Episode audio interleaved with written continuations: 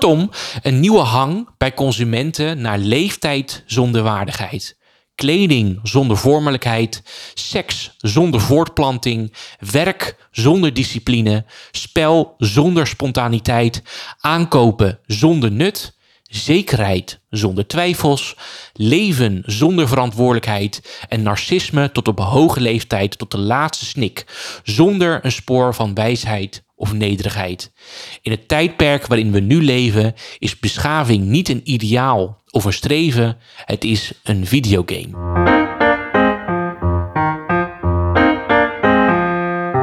Een gesprek over maatschappelijke onderwerpen waar de mitsen, maren en nuances worden opgezocht. Mijn naam is Lars Bentin, ik ben bestuurskundige en schrijver. Ik ben Erik van der Plicht, docent maatschappijwetenschappen en socioloog. Welkom bij Gezwever, de podcast.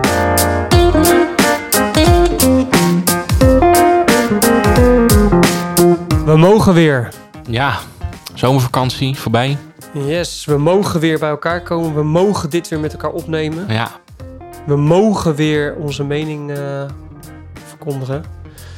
je legt een nadruk op mogen. Ja, ik heb er echt een scheidtekel aan als mensen op LinkedIn zeggen van vandaag heb ik mijn diploma in ontvangst mogen nemen. Ja, ja. Vandaag heb ik deze cursus mogen geven. Nee, sodemiet erop. Ja. Je hebt gewoon die cursus gegeven en je hebt gewoon je diploma gehaald. Ja, is een soort karma-principe, wat heel veel mensen hanteren. Dat je dingen van het leven of het universum krijgt. Ja, precies. Ja, Zonder, ja. ja, maar het is een verkapt, ehm, hoe noem je dat? Bescheidenheid. ja. ja klopt. Zo, ja. terwijl jij mag een training geven. Ja. Nee, jij gaat een training geven. Je ziet doe ik het zelf ook. Jij gaat een training geven Ja. omdat jij goed bent in iets. Daar heb je ervaring in. Dus dan ga je die training geven. Het is niet, eh, mag ik die training, mag ik dit in ontvangst? Nee, Maar in hou diezelfde, nou eens mee op. in diezelfde gedachtegang, ze zeggen ook nooit wanneer er iets, eh, in die trant in ieder geval, wanneer er iets fouts gaat. Want je mag het doen alsof je het, alsof Ja. je het krijgt van het leven, Ja, eh, omdat je iets goeds hebt gedaan. Maar als je iets negatiefs krijgt, zegt ze dan niet, want dat betekent dat je slecht mens bent, blijkbaar. en dat moet natuurlijk niemand weten. ja. Vandaag heb ik eh, mijn been mogen afstaan na een ongeluk. Ja. Goed, we zijn weer terug.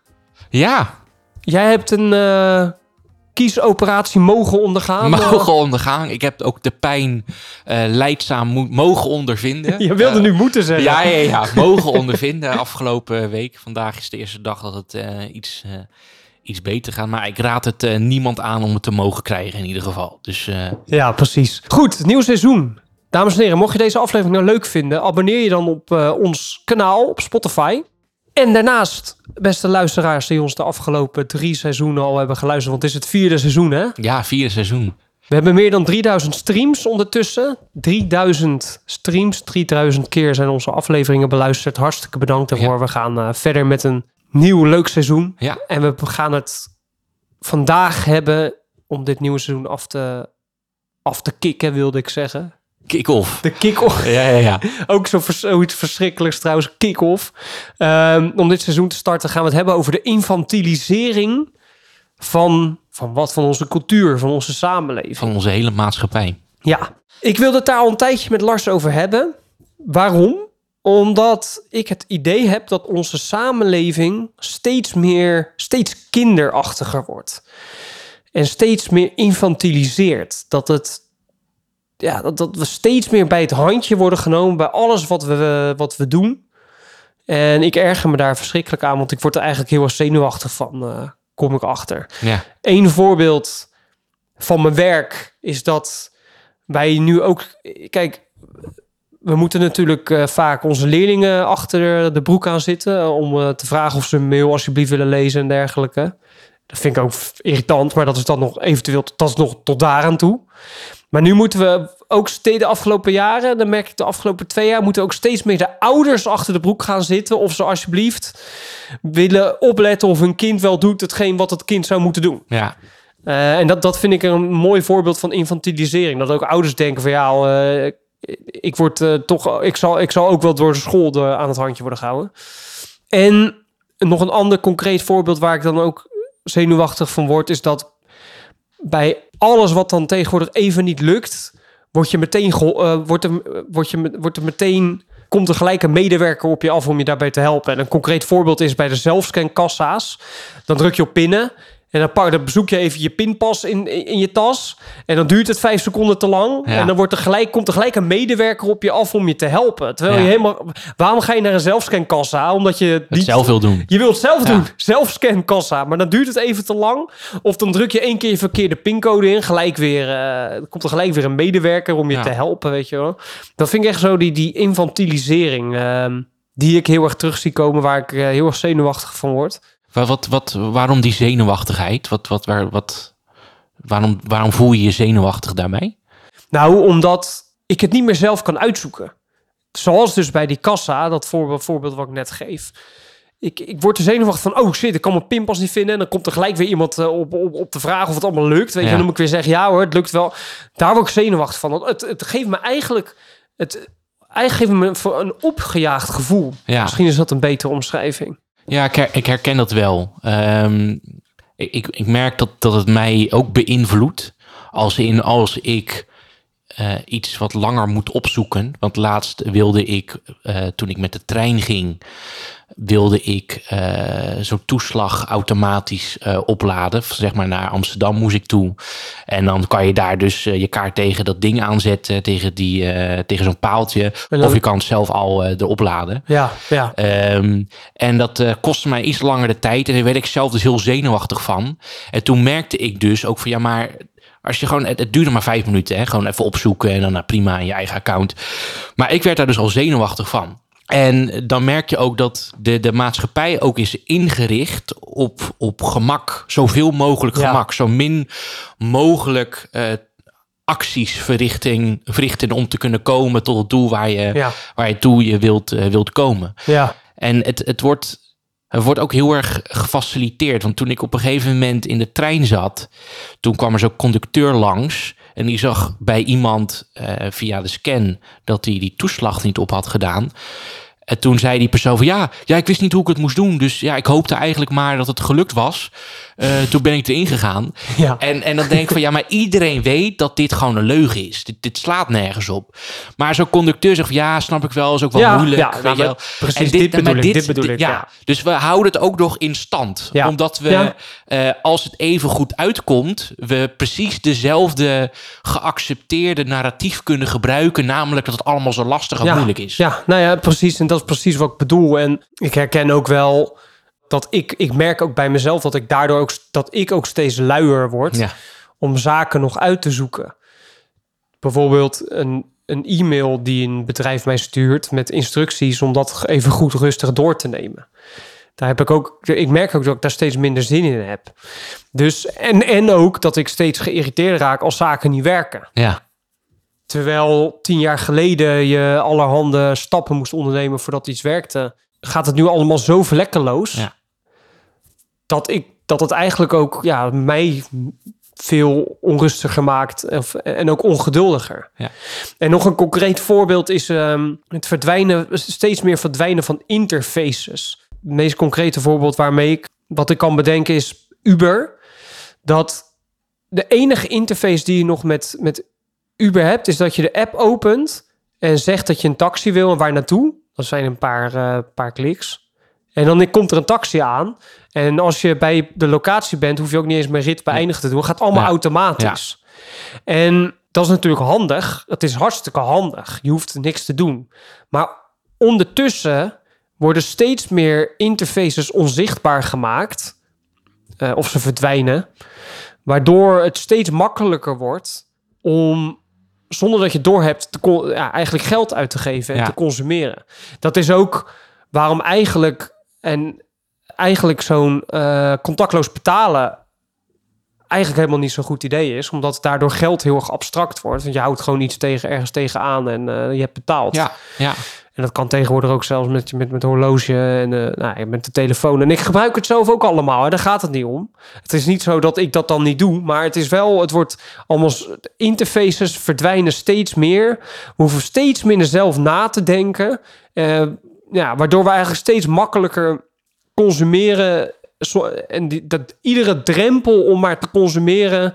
eh, wordt eigenlijk weggenomen. Ja, ja en op de lange termijn en dan maak ik het gelijk wel heel zwaar, maar op de lange termijn ook een bepaalde vorm van zingeving eruit haalt. Gewoon een heel concreet voorbeeld wat in mij opkomt.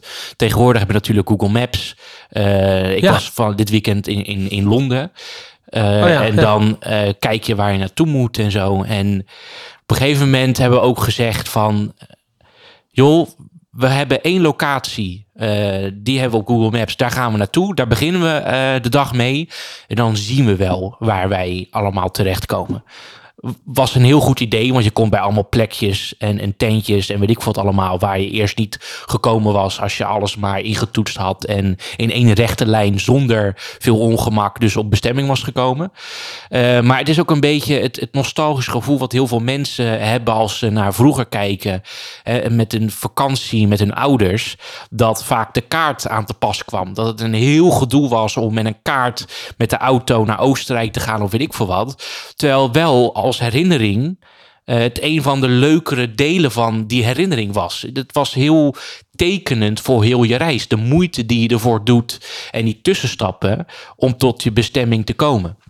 En waarom ik dit zeg, omdat ik het gevoel heb, omdat alles zo gemakzuchtig is en, en, en we ook op gemak gefocust zijn, uh, dat door die infantilisering uh, we daardoor ook veel minder interactie hebben met onze omgeving, met, in ons leven überhaupt, ook met andere mensen, met, met, met, met, met weet ik veel wat. En dat je daardoor dus ook minder waarde voelt of zo voor de, voor de acties die je onderneemt of de dingen die je, Ja. moet, uh, die je moet doen. Ja.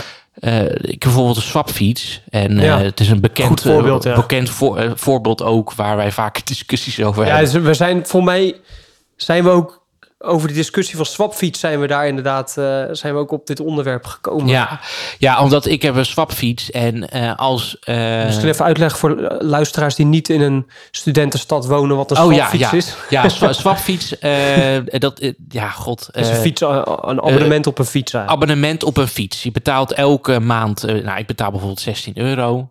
per maand betaal je voor een fiets. Uh, en als die kapot gaat, of je band moet opgepompt worden, weet ik voor wat. Of je, uh, er is iets. Het is ook heel grappig, want als er iets mis is met een ketting of met een zadel, wordt al heel snel als je naar zo'n swapwinkel gaat, wordt er gezegd van, oh wil je een nieuwe? Ja, je wel? In ja, plaats van gelijk dan, een nieuwe. Ja. Gelijk een nieuwe. Er wordt niet gemaakt, gewoon gelijk een nieuwe. Ja. Uh, maar je hebt een abonnement op een fiets, hè, op het concept van een fiets, Ja. maar niet op uh, een fiets Nee. aan zich. Ja, ik vind het wel heel mooi dat je dat zegt. Inderdaad. Je hebt een abonnement op het concept van een fiets. Um, en dat heeft ook weer, wat mij betreft, toch ook weer te maken met, met, met, met dat die interfaces dus tussen jou en die fiets ook verdwijnen. Want je gaat dus inderdaad naar zo'n swapfietswinkel. Die heb je, je hebt tegenwoordig eh, in Rotterdam heb je er ook eentje zitten, toch? Ja, Mariniersweg. Uh, ja, Mariniersweg inderdaad. En je krijgt gewoon gelijk een nieuwe fiets. Je Ja. hoeft zelf niks meer te doen. Uh, je hoeft zelfs niks te repareren of even iets te vervangen. En dat is toch ook, dat is toch ook een heel goed voorbeeld van inventarisering. Ja. Dat ja, niet, niet eens meer gewoon even zelf een band plakken of een binnenband vervangen of, of wat dan ook.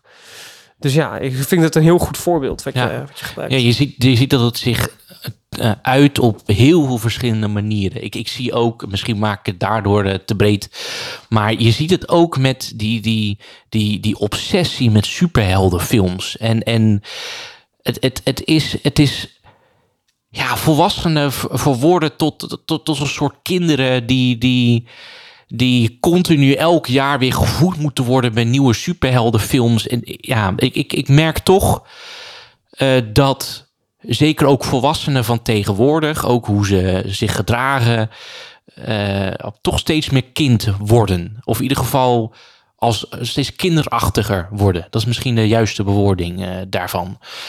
Um, en misschien uh, komt dat gewoon omdat ik uh, veel kritiek heb op mijn generatie en verwar ik dat nu met dit onderwerp. Maar goed, uh, dat dus. Ja, en hoe merk je dan dat volwassenen kinderachtiger worden? We hebben het net, dat net natuurlijk over gemak.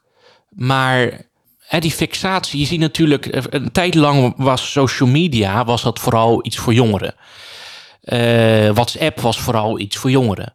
Uh, ouders of volwassenen hadden zoiets van, nou ja, is misschien handig, maar ik heb daar geen tijd en geen zin in en weet ik veel wat. Uh, en je ziet tegenwoordig dat heel veel volwassenen uh, verslaafd zijn aan, aan sociale media, op, aan hun smartphone gekluisterd zitten. Ik merk dat ook bij, soms als ik dan bij familie ben.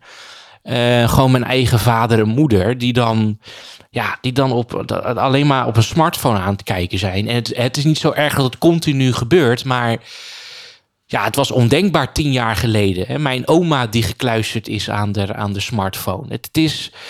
eh, ik vind het, omga het gezond leren omgaan met ongemak. Hè, je verantwoordelijkheid nemen en ongemak zien als iets wat, het, wat nou eenmaal onderdeel is van het leven en daar gewoon normaal mee omgaan.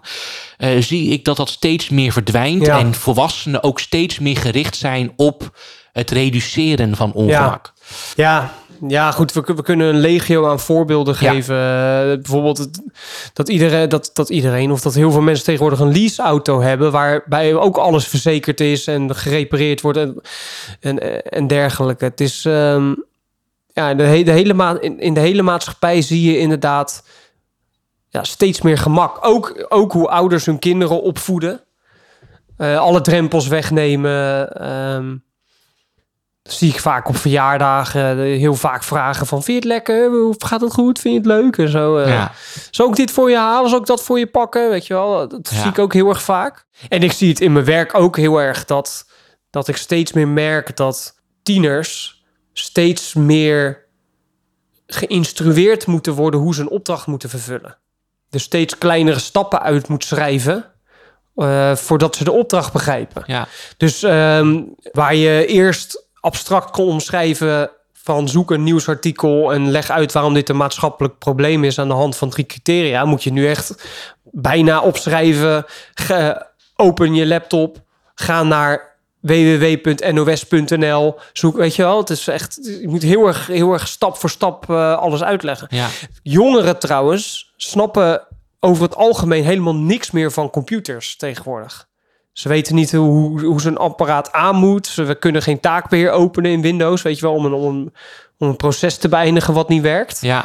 Het is, eh, ik heb het idee dat veel ouderen denken dat jongeren heel goed zijn met computers, maar het valt heel erg tegen. Ja, nee, ja, je ziet dat, dat, dat jongeren eh, goed kunnen omgaan, of snel kunnen omgaan met, eh, met, met, met, met digitale middelen, maar eh, niet weten hoe, hoe de mechaniek erachter Ja, werkt. Ze ja weten niet- Ja, Ze weten dat iets werkt ja, en, en hoe iets werkt, maar niet waarom iets Ja. werkt.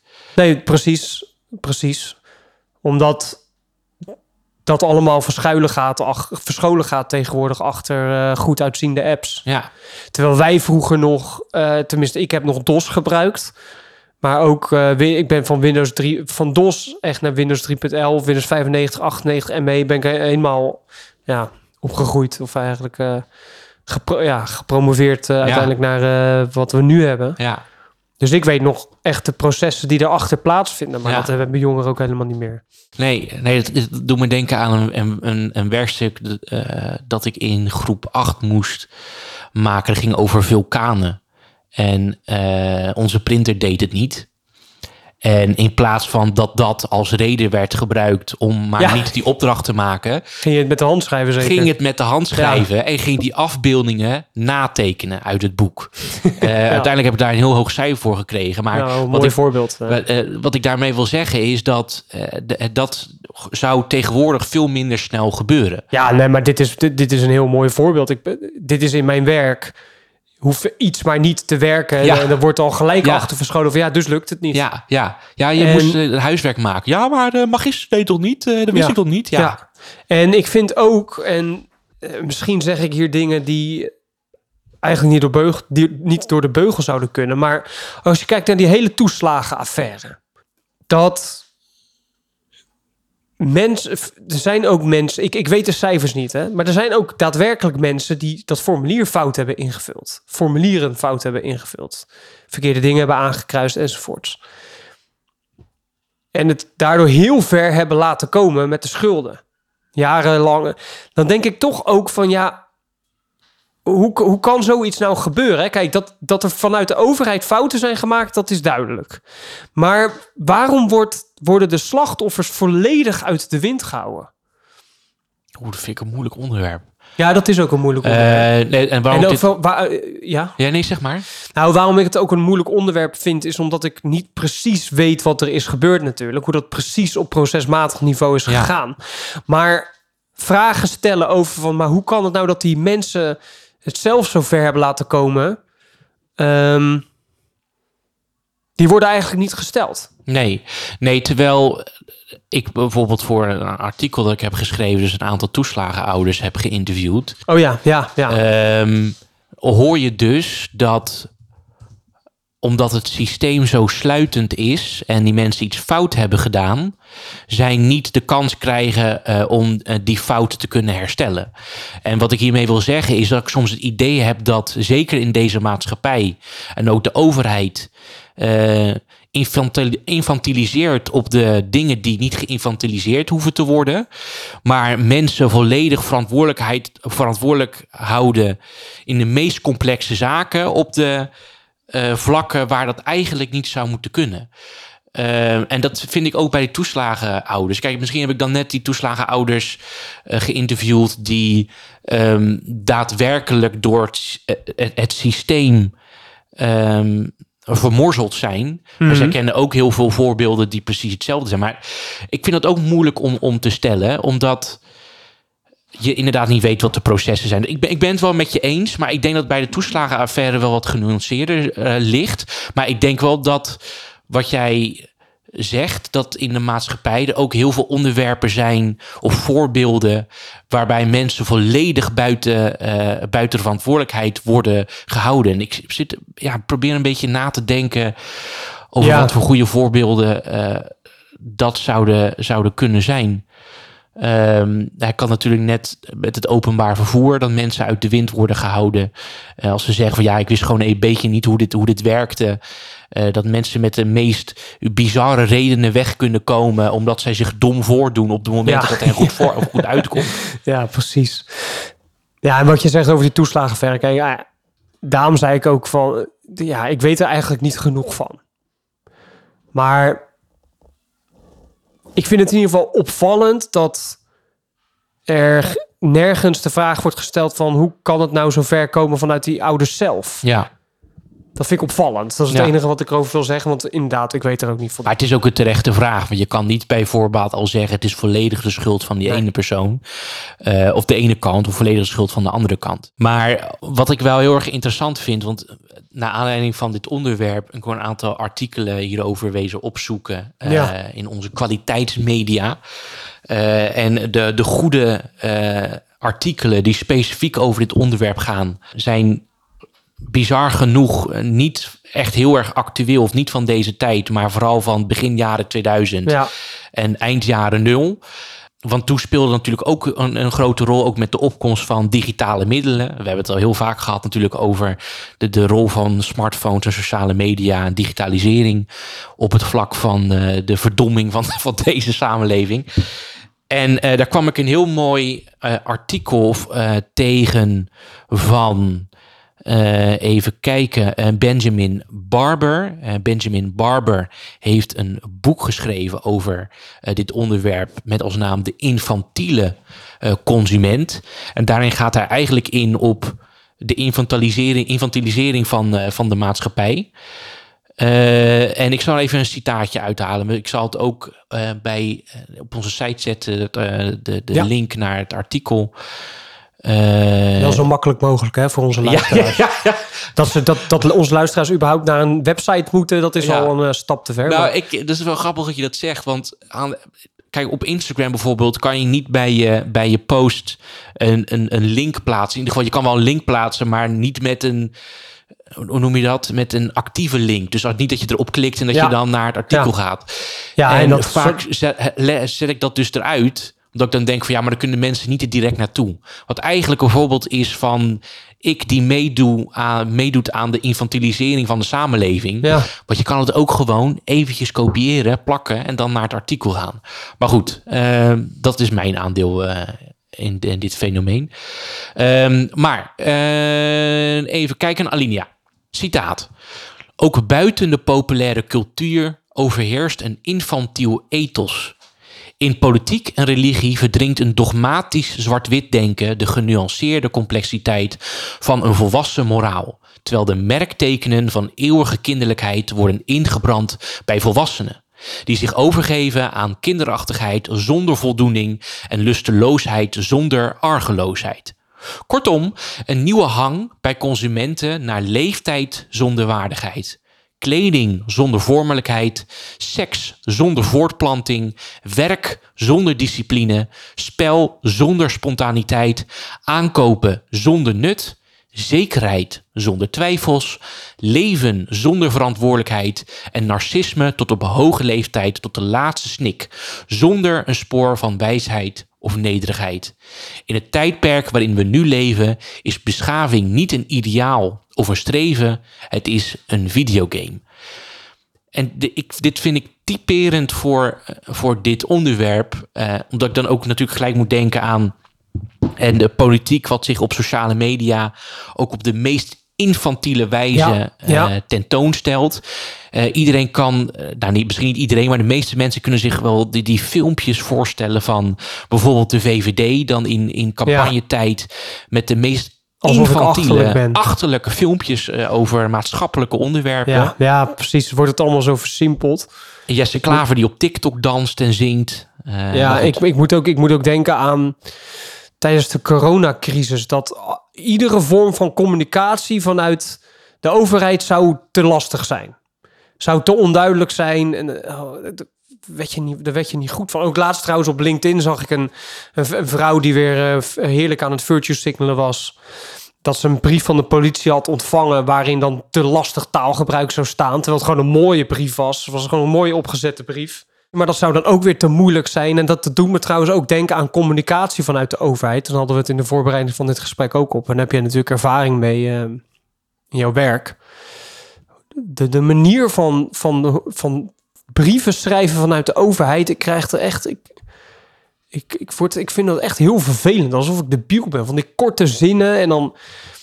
Ja, ja het, en ook alle communicatie vanuit de overheid. Maar ook bedrijven moet allemaal zo simpel mogelijk, zo kort mogelijk. Ik, ik, ik voel me nergens meer uitgedaagd nee. wat nee. dat betreft. Nee, maar in dat opzicht was de coronacrisis is daar dus een heel goed voorbeeld van. Want we hadden het net over een voorbeeld waarin mensen eh, eh, buiten hun eigen verantwoordelijkheid worden, worden gehouden. Ja. Eh, en dat is bij de corona, in, tijdens de coronapandemie was is, is natuurlijk een perfect voorbeeld daarvan. Omdat wat de overheid aan het begin deed, was mensen de, de ruimte bieden hè, in de nuance van hun beleid. ehm, om verantwoordelijk om te gaan met de vrijheden die ze hadden. Ja, Eh, dat werd vertaald door politiek, en nee, door politiek en ook door media, maar ook door mensen van ja, maar dit is niet consistent. En eh, als ik dat niet mag en dat mag wel. eh, ja, ja, ja de dat virus heel is, erg. Ja. Ja, met die lockdown. Ja, is de virus na negen, voor negen uur de, werkt hij wel en na negen Ja, uur niet? Nee, precies. Terwijl ik dan denk van ja, maar kijk, dit, dit, dit, dit is dit. Oh, ik, ik kan daar zo boos om worden, omdat mensen. eh, Er is een. Aan de ene kant worden mensen infantiel gemaakt. Ja. En aan de andere kant grijpen mensen, ook als het hen goed uitkomt, ook die infantilisering aan. Om eh, elke fout die ze maken en elke verantwoordelijkheid of, of, of ongemak die zij ervaren, eh, weg te poetsen. Ja, En dat was dus ook tijdens die coronapandemie. Want volgens mij is 90% van de mensen eh, niet echt goed omgesprongen, is niet goed omgesprongen met de nuance en de ruimte die coronabeleid toen had. En mensen die toch met z'n vieren, vijven, zes eh, naar buiten gingen, eh, toch een feestje thuis eh, gaven of weet ik wat. En dat is prima. Ik bedoel, moet je vooral zelf weten. Maar waar ik waar, waar ik boos om word, is dat je dan die verantwoordelijkheid van die keuzes die je maakt en de gevolgen die daaraan vastzitten, dan gaat goed praten, omdat je het beleid niet duidelijk genoeg vindt, Ja. niet concreet genoeg vindt. ja. Ja, En dus uiteindelijk een beleid krijgt van of alles is open, ja of alles, of alles is, is dicht. Want Ja. elke vorm van nuance en ruimte eh, vinden mensen blijkbaar te moeilijk om mee om te gaan. Ja, precies. Ja, dat is dus ook wat je... En die, dat zwart-wit denken wat daar dus uit voortkomt... Ja, zie je ook nu terug in het politieke, de politieke debatten. Ja, En in eh, eigenlijk alle debatten wel die ik zie. Ja, Of discussies online. Nou, misschien is online dan niet een heel goed goede graadmeter ervan, maar ook in de politiek. De inventarisering is ook in de politiek, ook hoe Tweede Kamerleden zich gedragen, is Ja. echt, echt, echt doorgeslagen. Ja, politiek bedrijven in soundbites in Ja. principe. Ja. Ja, precies. Dus die infantilisering is eh, ja, steeds groter, groter probleem. En het is ook, het kost ook heel veel energie. Hè? Je moet dus bedenken, kijk, ik vertaal, ik ga toch weer eventjes toepassen op mijn werk. Omdat het in mijn werk is het zo toepasselijk, omdat ik dus nog met, ja, met tieners, met kinderen werk. Het kost heel veel energie als je in alle communicatie elke stap moet uitleggen. En ehm, het, is veel, het kost namelijk veel minder energie als je een abstracte opdracht geeft en leerlingen gaan dat doen. En ik hoop niet dat ik hier iemand mee kwets, maar dat is toch wel waar VWO-leerlingen nog wel het, het beste in zijn. Die kan je een abstracte opdracht geven en die gaan dat doen. Maar alles wat daaronder valt, eh, wat daaronder komt, daar moet je echt alles eh, stap voor stap eh, uitschrijven. Ja, maar dat is ook deels denk ik niet eh, het niveauverschil. Het is ook gewoon het, het cultuurverschil. Want ik zit me dan ook, ook na te denken over hè, een soort kip-of-ei verhaal. Maar er is natuurlijk ook gewoon een soort verwachting op, op HBO of VMBO... dat die jongeren het ook gewoon niet kunnen. Ja, En maar dat, dus, ook- ja klopt. Dus Ja. Je, be- de- het wordt ook in de, in de hand gewerkt. Want ik ga daardoor dus inderdaad alles uitschrijven. Ja, Want anders zit de leerling, ja, ik snap het niet, ik, eh, ja, ik Ja. weet het niet hoor. Ja, oh, oh, ja, Ja. nou, oké. Bijvoorbeeld een heel concreet voorbeeld. Afgelopen, vorige week was de eerste week. Ik had een opdracht, opdracht gegeven waar boven stond week 36. Terwijl het vorige week week 35 was. En dan zeggen leerlingen, ja, maar oh, er staat week 36, dus ik- ik- oh, is het die, oh, is het die opdracht? Terwijl het de enige opdracht was die, erin, die in het systeem stond. ja, Dus dan weet je echt wel van, oh, misschien moet ik even kijken, want hoogstwaarschijnlijk zal het wel die opdracht zijn. ja, ja. En dat kost dus heel erg veel energie. En dat is dus ook wat, eh, wat in het onderwijs dus ook nu, nu terugkomt, omdat we dus ook achter de broek van ouders aan moeten gaan zitten. Ja, het is eh, heel, erg, eh, heel erg vermoeiend. En ook, het, het, het leidt ook, en dat zei je in de voorbereiding op, de, op deze aflevering ook, dat ik bij maatschappijler steeds meer geneigd ben om eh, meer keuzevragen te gebruiken, omdat, ze, omdat, er ge- omdat leerlingen geen normale zinnen meer kunnen formuleren. Ook op het VWO trouwens. Ja, ja, ja.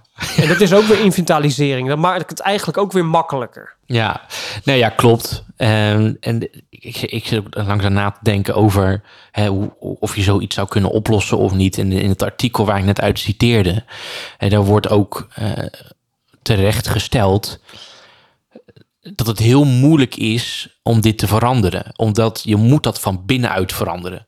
Van de mensen, eigenlijk moeten dus mensen opstaan om eigenlijk te zeggen... stop met ons infantiel benaderen en behandelen. Ja, Maar omdat het die cultuur van de lage verwachtingen.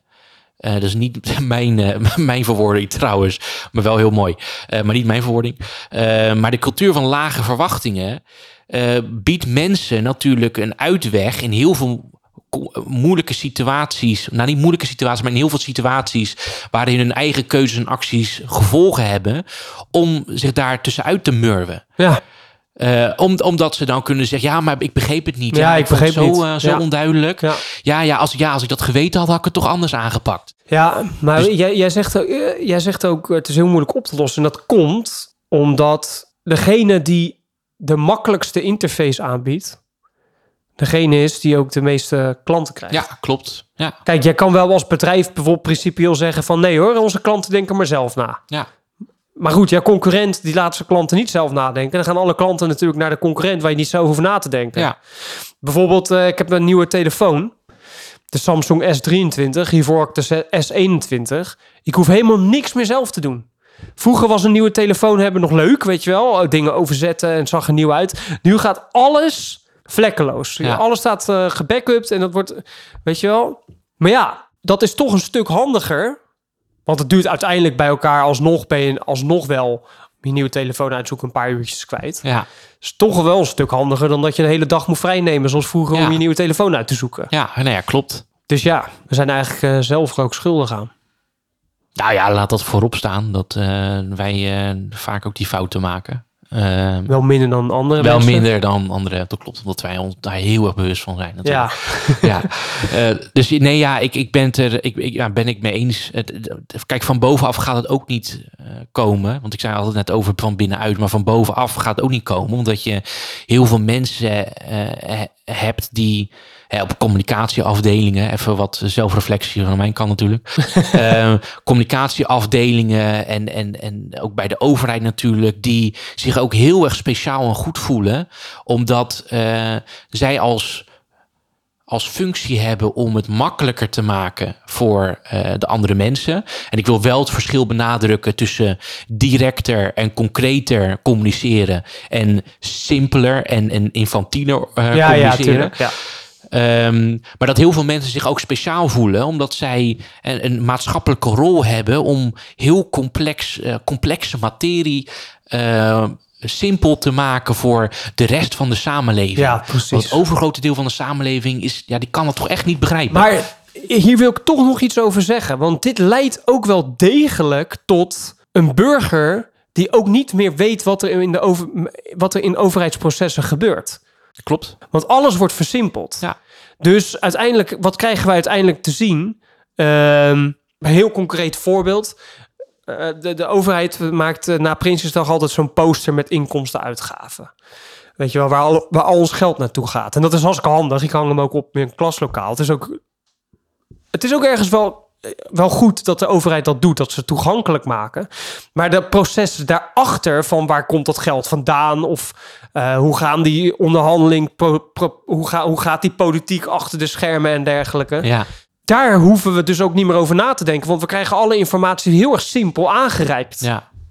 Maar zo worden wetten natuurlijk ook tegenwoordig eh, Ja. min of meer gemaakt. Ja. De kritiek van Pieter Omtzigt dat Ja, gemaakt of gema- gemarketeerd? eh, gemaakt. Omdat Ja? eh, Pieter Omtzigt te, terecht de kritiek heeft op dat er bij het maken van wetten niet meer naar de uitvoerbaarheid wordt gekeken, maar naar de verkoopbaarheid Ja, verkoopbaarheid. Ja, van, precies. van een wet. Ja, ja, ik had het. Ik, ik, van, vanmiddag zat ik inderdaad. Vanmiddag zat ik toevallig op de radio. Ging het dan over. Er werd een market, marketing eh, specialist uitgenodigd over ehm, hoe kunnen ze nou mensen duurzamer laten leven. Want mensen zeggen enerzijds wel van eh, ik wil graag eh, ja duurzaamheid is belangrijk en zo, maar vervolgens eh, nemen ze wel vliegvakanties en weet je wel. Ja. En dan zei, die marketing specialist, uiteraard, dat is ook zijn werk, zijn, zijn baan natuurlijk. Maar die zei ook van ja, we moeten het verkoopbaar maken. Het moet, het moet een mooie naam hebben, het moet een mooie slogan hebben. en dan, wordt het, dan gaan pa- mensen er pas iets mee doen. Ja. Dus uiteindelijk, de lange termijn, leidt die inventarisering en die versimpeling eigenlijk alleen maar tot dat, dat degene die het, het moeten communiceren steeds meer energie moeten, erin moeten stoppen om het, ehm, maar, ehm, ja, om het maar aan te laten komen bij mensen. Ja. Ja. En ja, ja, en dat leidt dus uiteindelijk ook tot, tot steeds minder controle van de overheid en ook tot een democratisch tekort. Ja. ja, en natuurlijk waar we het al ook al eerder over, over hadden in andere onderwerpen, maar het, het elke vorm van risico afkaderen. Eh, Ja. In beleid bijvoorbeeld. Hè. Daar moet weer een wet voor gemaakt worden. Ja, Eh, precies. Want ja, ja. Want, eh, oh, er is nu er, er is een ongeluk gebeurd met weet ik veel wat, met een scooter.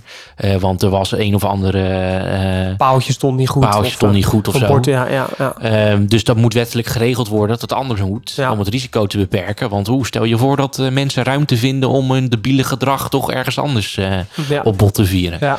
Dus Goed. ja, Ik, eh, beste luisteraar, jullie zullen toch zelf je moeten abonneren op onze podcast. Helaas kunnen wij, helaas kunnen wij dat niet voor jullie doen. nee. Dus doe dat als je deze aflevering leuk vond. Deel hem met iemand als je deze aflevering leuk vond. Het helpt ons heel erg. Ja. En dan eh, zien we jullie volgende week weer. En volgende week zou ik het graag willen hebben over de lage kwaliteit van onze deeleconomie. Ik weet niet of jij dat een goed onderwerp vindt. Heb jij nog een idee?